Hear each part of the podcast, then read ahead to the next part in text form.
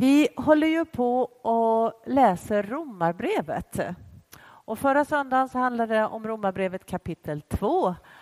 Och Christer beskrev syndens verklighet på ett sätt så vi kände allesammans att Hoa, där vill jag inte vara. Mm.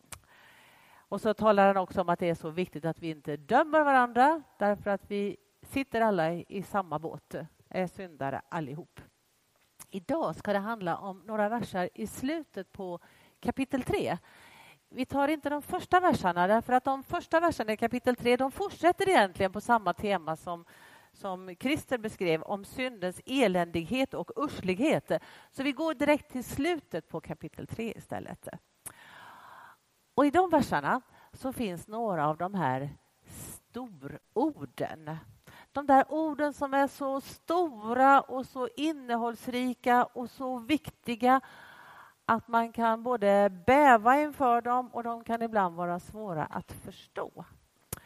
Så därför så tänkte jag att vi skulle börja den här predikan med att eh, lära oss sex stycken ord som finns i den här texten som vi sen ska eh, gå igenom. Och eh, är det några tolkar på plats så är det bra att ha koll på de här orden. Har du koll på dem så har du koll på predikan. Så, så välkomna fram ni, ni sex personer som jag har delat ut lite lappar med stororden till. Kom och ställ er här på en rad.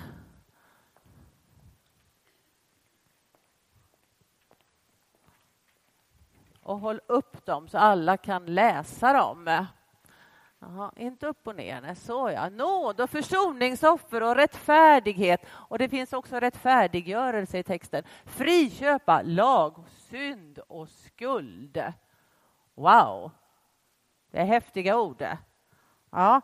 Och jag tänker att vi ska börja med nåden. Det var väldigt bra att du stod precis där, Maria. får du kliva fram här. Så, nåd. Vad är nåd? Om vi börjar med vad som är motsatsen till nåd så är det ju lön. Ja. Lön får man ju när man har presterat någonting. När man har gjort något riktigt bra så får man lön. Och har man gjort något riktigt bra och inte får lön så kan man till och med kräva lönen. Man kan ringa till lönekontoret och säga ajabaja, jag har inte fått lön och det har jag rätt till att få därför att jag har presterat, jag har gjort något riktigt, riktigt bra. Men nåd då? Nåd kan man ju tydligen då få när man inte har presterat. Inte sant? Ja. Om det före lön skulle stå prestation här så måste det stå någonting annat före nåden. Det måste stå misslyckande eller svag prestation eller halvdant, icke perfekt. Det måste stå före nåden. Det är någonting som man inte har rätt till. Någonting som man blir jätteförvånad om man får. Det ringer man inte till något kontor och kräver för det förväntar man sig inte att man ska få. Mm. Vad är det då för ord som ska stå före nåden? Kom synden.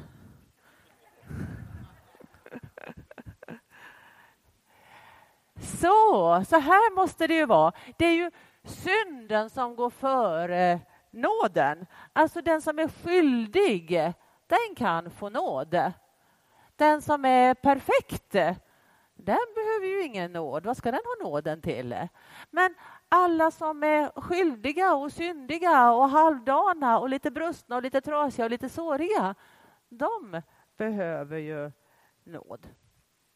Nu finns det ju inga genomperfekta och genomlyckade människor.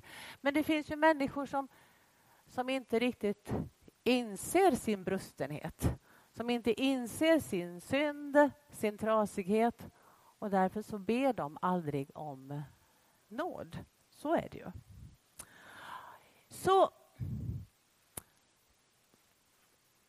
vad går före synden? Alltså, det måste ju finnas någonting som, som bestämmer vad som är fel och inte fel. Alltså vem, vem bestämmer vad som är perfekt och vad som inte är perfekt? Vad som är defekt blir det då. Ja. Vem bestämmer vad som är trasigt och vad som är helt, vad som är rätt och vad som är fel? Det måste ju finnas någonting sådant. Finns det då en lag för oss människor? Kom, kom lagen. Så ja. Gud har gett oss en lag. Gud är den som sätter standarden. Gud är den som kan bestämma vad som är rätt och vad som är fel. Han har ju det fulla perspektivet. Och redan till Adam och Eva så säger ju Gud ta inte av den frukten, för då blir det inte bra. Eh, han ger dem det fulla ansvaret. De är fria att välja, de har ett eget ansvar. De är inga marionetter i hans hand, utan han säger gör så här så blir det bra. Och de gör inte så, och det blir inte så bra. De går sin egen väg, precis som vi alla har gjort. Ingen av oss har älskat Gud så som vi borde eller älskat varandra så som vi borde. Alltså det här ordet borde, det är ju jätteintressant. Som vi borde. Det finns någonstans nedlagt i våra hjärtan att vi borde någonting annat. Vi borde älska mer. Vi borde. Om det inte finns någon lag så finns det ju inget borde. Alltså om det inte finns någon lag som säger att man inte får köra för fort, då kan du köra precis hur fort du vill. Och det är ingen människa som kan anklaga dig för det. Då har du ingen skuld. Och du behöver absolut ingen nåd, för det finns ingen lag. Hänger ni med? Ja, de här tre orden hänger ihop. Så det här får ni stå kvar nu. Lagen, synden och nåden. Bra, då kör vi vidare. Då tar vi rättfärdigheten och rättfärdiggörelse. Så där. Det är ju inte ett ord som man direkt använder varenda dag. Nej. Slår man upp rättfärdiggörelse i Wikipedia så står det så här.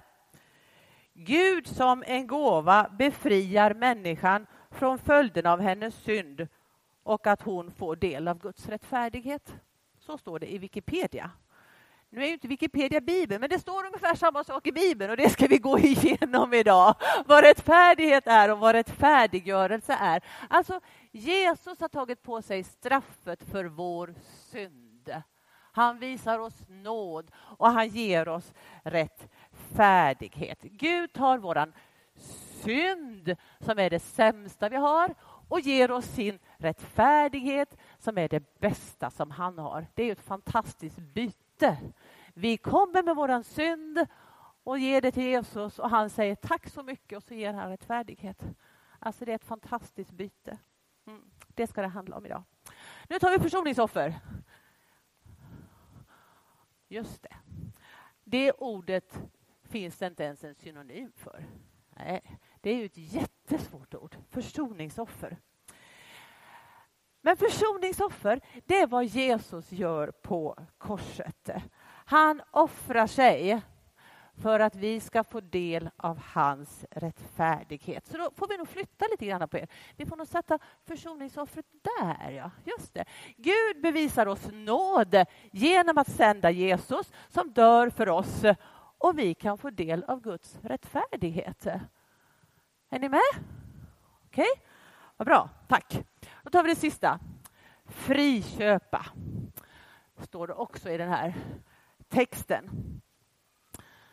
Att friköpa det är ju att någon betalar ett pris för någon som är i fångenskap.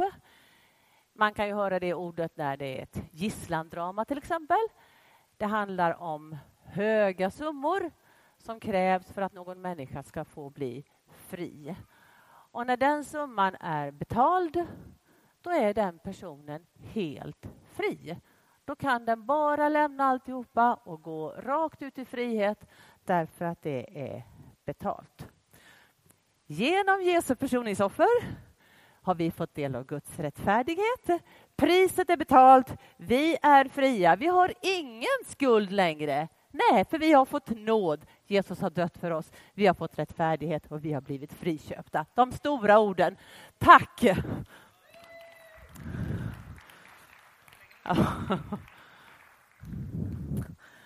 Så, nu kan vi gå till texten.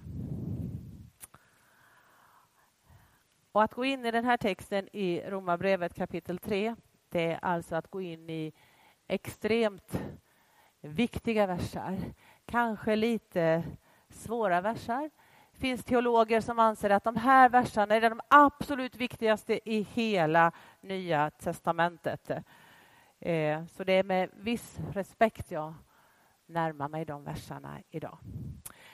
Eh, från Romarbrevet kapitel 1 fram till vers 20 i kapitel 3 så handlar det alltså om synden. Det är synden på längden och höjden och tvären.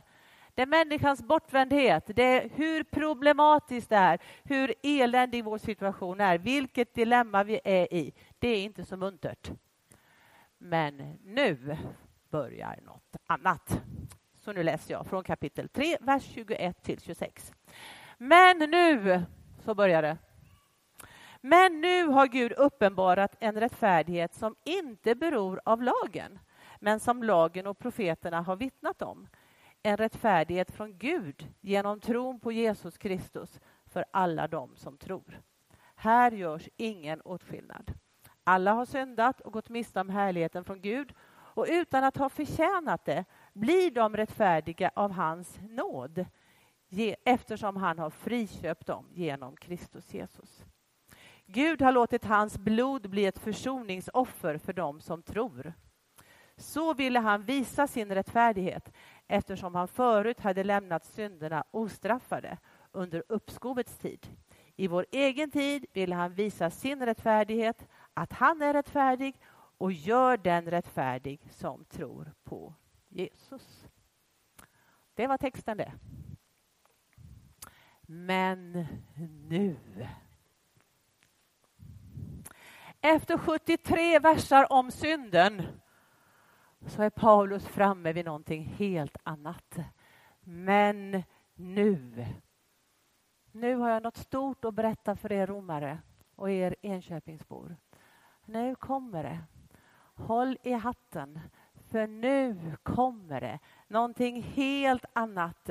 Nu vill jag visa att varenda människa, oavsett hur trasig och eländig och syndig hon är, så finns det en lösning på låsningen. Det finns en väg ut. Nu vill jag berätta att det finns en rättfärdighet som inte beror på att man uppfyller lagen. Det finns en rättfärdighet som inte beror på att man är perfekt och att man gör allting så vansinnigt bra. Förmodligen har du precis som jag försökt att förbättra dig. Jag försöker med det hela tiden.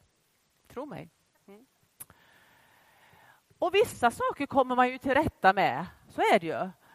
Men lagom som man har liksom kommit till rätta med någonting så upptäcker man ju något nytt. Jaha, det där också skulle jag behöva fixa till. Och så försöker man kanske fixa till det och så upptäcker man Ja, just det. Oj, det också. Alltså, det tar ju aldrig slut. Det blir ju aldrig färdigt. Om man tittar lite grann in i sitt liv och är ärlig så tror jag vi allesammans ser att japp, det finns en hel del kvar. Vi är lika mycket syndare allihop. Vi kämpar med olika saker i livet, men det är ju en annan fråga. Men nu, säger Paulus, Tack gode Gud att efter 73 verser så är han äntligen framme vid lite goda nyheter. Nu kommer lösningen. Nu vänder vi blad, som kungen sa. Mm. Så, så då går vi och tittar på det här. Och eh, nu ska vi se vad jag är i mina tankar. Jo, då läser vi i vers 2. Nej, inte 2, 22. 21. Nu har Gud, men nu har Gud uppenbarat en rättfärdighet som inte beror av lagen. En rättfärdighet som inte beror av lagen. Alltså den rättfärdighet som du och jag så innerligt väl behöver, den beror inte på lagen. Det finns ingenting som du eller jag kan göra eller säga för att Gud ska säga hmm, det där var ju riktigt bra. Nu tycker jag att du duger. Nu är du en riktigt genomperfekt människa. Gud tänker alltid helighet. Gud tänker inte rättfärdighet som någon sorts skala som att ja, men nu är hon lite rättfärdigare än hon var förut i alla fall. Men nu har hon backat igen och nu gick hon framåt. Gud tänker inte rättfärdighet så. Gud tänker rättfärdighet som ett tillstånd utav helighet. Och om du och jag börjar tänka egenskap här, då, då snurrar vi till alldeles vansinnigt. För du förstår, då börjar vi jämföra oss med varandra. Och då kan man ju titta och tänka, åh Christer, oh, han, han minsann, han är bra mycket rättfärdigare än vad jag är. Ja, där räcker jag inte riktigt till. Och så kan man titta på någon annan och så kan man tänka, ja, fast jag kanske är lite rättfärdigare än det där i alla fall. Och så kan man jämföra sig så här, va? Och då är man så fel ute. Därför att rättfärdighet är inte en egenskap som man kan ha lite mer eller mindre av och som man kan skaffa sig lite mer eller mindre utav. Rättfärdighet är ett tillstånd. Kom ihåg det. Om du inte kommer ihåg något annat idag, så kom ihåg det. Rättfärdighet är inte en egenskap. Det är ett tillstånd att leva i. Så då behöver jag inte deppa ihop för att jag inte tycker att jag är lika bra som Christer. Och jag behöver inte vara stöddig för att jag tycker att jag är lite bättre än någon annan. För det går inte att jämföra, det går inte att mäta. Vi är människor, vi kämpar med livet och det går lite olika. Och i 23, 23 vers så står det, här görs ingen åtskillnad. Alla har syndat. Alla har gått miste om härligheten från Gud. Så vad är det då för rättfärdighet som Paulus så gärna vill berätta för romarna om? Vad är det för ett tillstånd som han vill beskriva för dem? Och då går vi till vers 22. Och då står det så här. Att det är en rättfärdighet från Gud. Alltså rättfärdighet är någonting som kommer ifrån Gud. Inte en egenskap som Gud har, inte en egenskap som han kan ge till dig, utan det är någonting som han har. Och ett tillstånd som han kan föra in dig i. Det kommer ifrån Gud. Gud är källan. Rättfärdighet är ingenting som du kan få tag på i den här världen, för det kommer bara ifrån Gud. Du kan inte få tag på det om du går till Coop eller Ica och säger jag ska vilja ha lite rättfärdighet. Det går inte. Du kan inte beställa det på nätet. Du kan inte skriva till påven. Du kan inte, du kan inte gå till något kyrka, något samfund och säga jag vill ha rättfärdighet. För det finns inte att få tag på i den här världen. Det kommer ifrån Gud. Det kommer ifrån himlen. Och det är han som ger rättfärdighet. Och utan att ha förtjänat det, utan att ha förtjänat det, blir vi rättfärdiga av hans nåd. Martin Luther han sa att rättfärdighet är något främmande. För det finns ju inte att få tag på. Det är främmande, det är ingenting som vi, vi har erfarenheter av i det här livet. För rättfärdighet, det kommer ifrån Gud. Och han kan från sitt hjärta ge oss det som vi så väl behöver. Mm. Vers 22. En rättfärdighet från Gud genom tron på Jesus Kristus för alla dem som tror. Hur tar man emot den här gåvan från himlen? Hur, hur får man rättfärdigheten från Gud?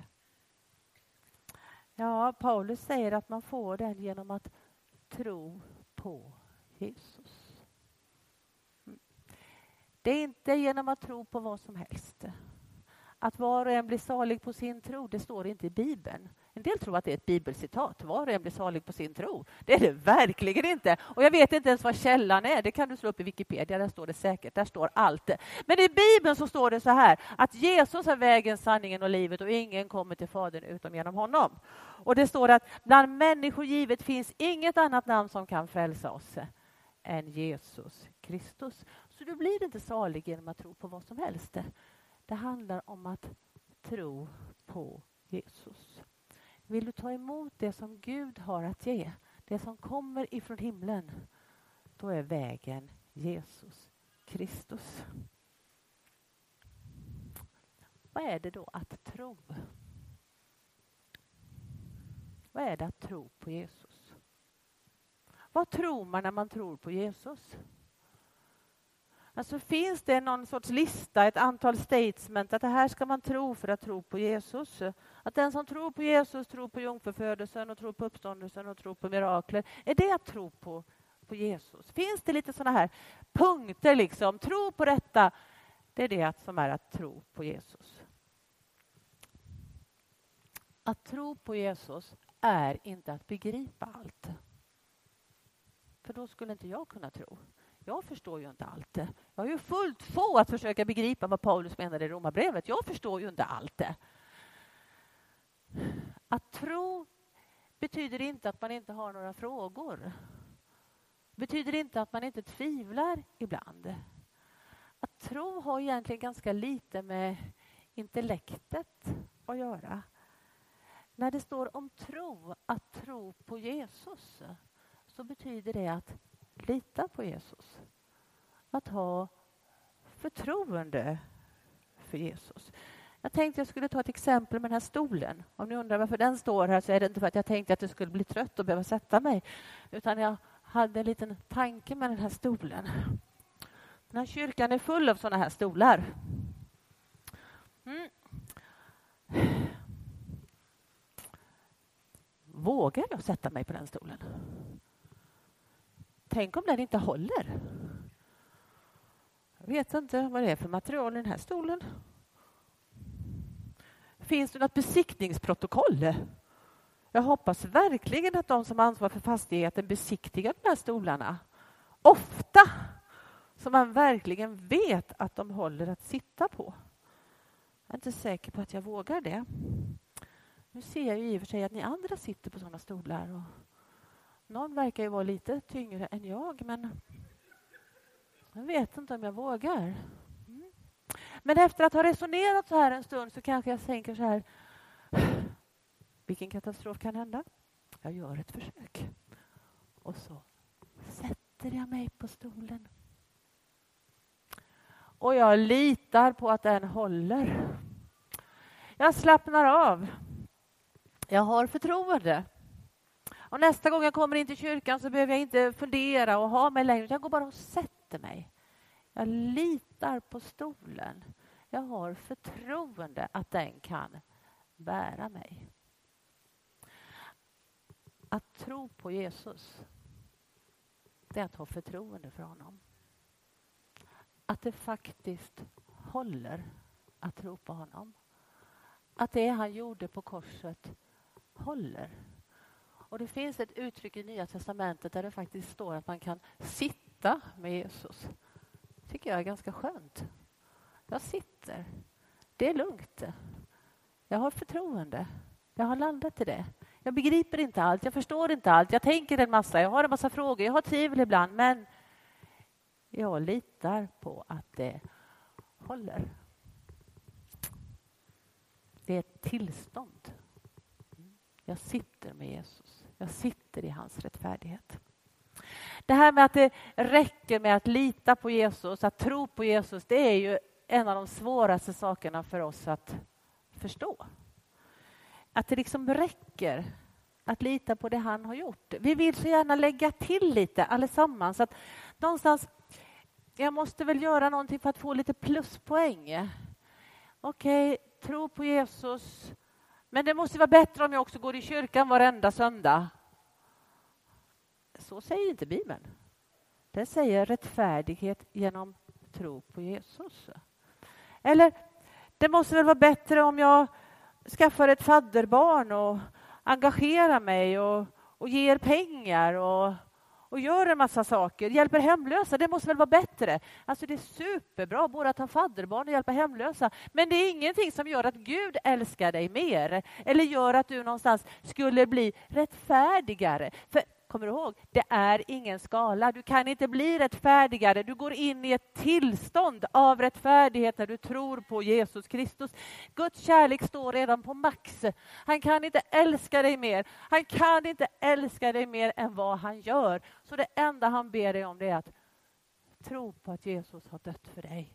Tro att det räcker. Tro att hans försoningsoffer räcker för att ta bort din synd och ta bort din skuld. Det är bara tron som räknas. Tron alena, sa Martin Luther. Inte tron och någonting mer, bara tro på Jesus. Nu går vi till vers 25 och 26.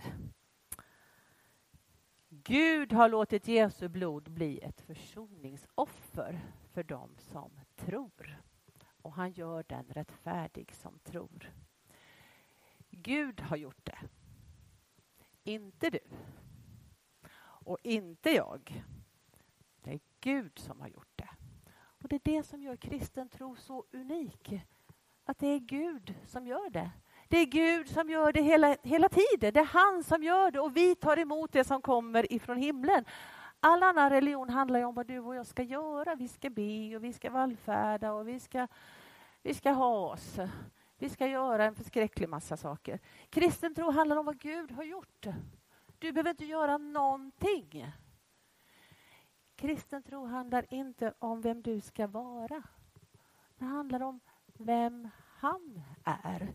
Du får vara hur eländig och trasig och konstig och knäpp du vill. Gud älskar dig och han har dött för dig. Han har gjort det. Han är din frälsare. Han är det som du behöver i ditt liv. Det är med tomma händer som vi kommer inför Gud. Det är han som gör det och det är han som är det. Vi har ingen ersättning att ge till honom. Vi tar emot. Vi litar på vad han har sagt. Mm. Då tar vi vers 24 också. Utan att ha förtjänat det blir de rättfärdiga av hans nåd eftersom han har friköpt dem genom Kristus Jesus. Mm. kommer vi till det här ordet friköpa. Då. Gud, Fadern, har sänt Jesus Kristus till den här världen. Vi blir rättfärdiga av hans nåd eftersom han har friköpt oss. Jag vet vad romarna tänkte på när de hörde det här. Därför att det här med att bli friköpt, det var ju vardag för dem. I romarriket fanns det slavar. Alla människor hade slavar. Det var, det var liksom standard att ha slavar. Det var något väldigt vanligt. Man kunde gå på slavmarknader överallt. Alltså det var inte märkvärdigare att gå och köpa en slav än vad det är för oss att gå och köpa en vinterjacka. Man hade slavar, det var i systemet. så. Och en slav kunde friköpas.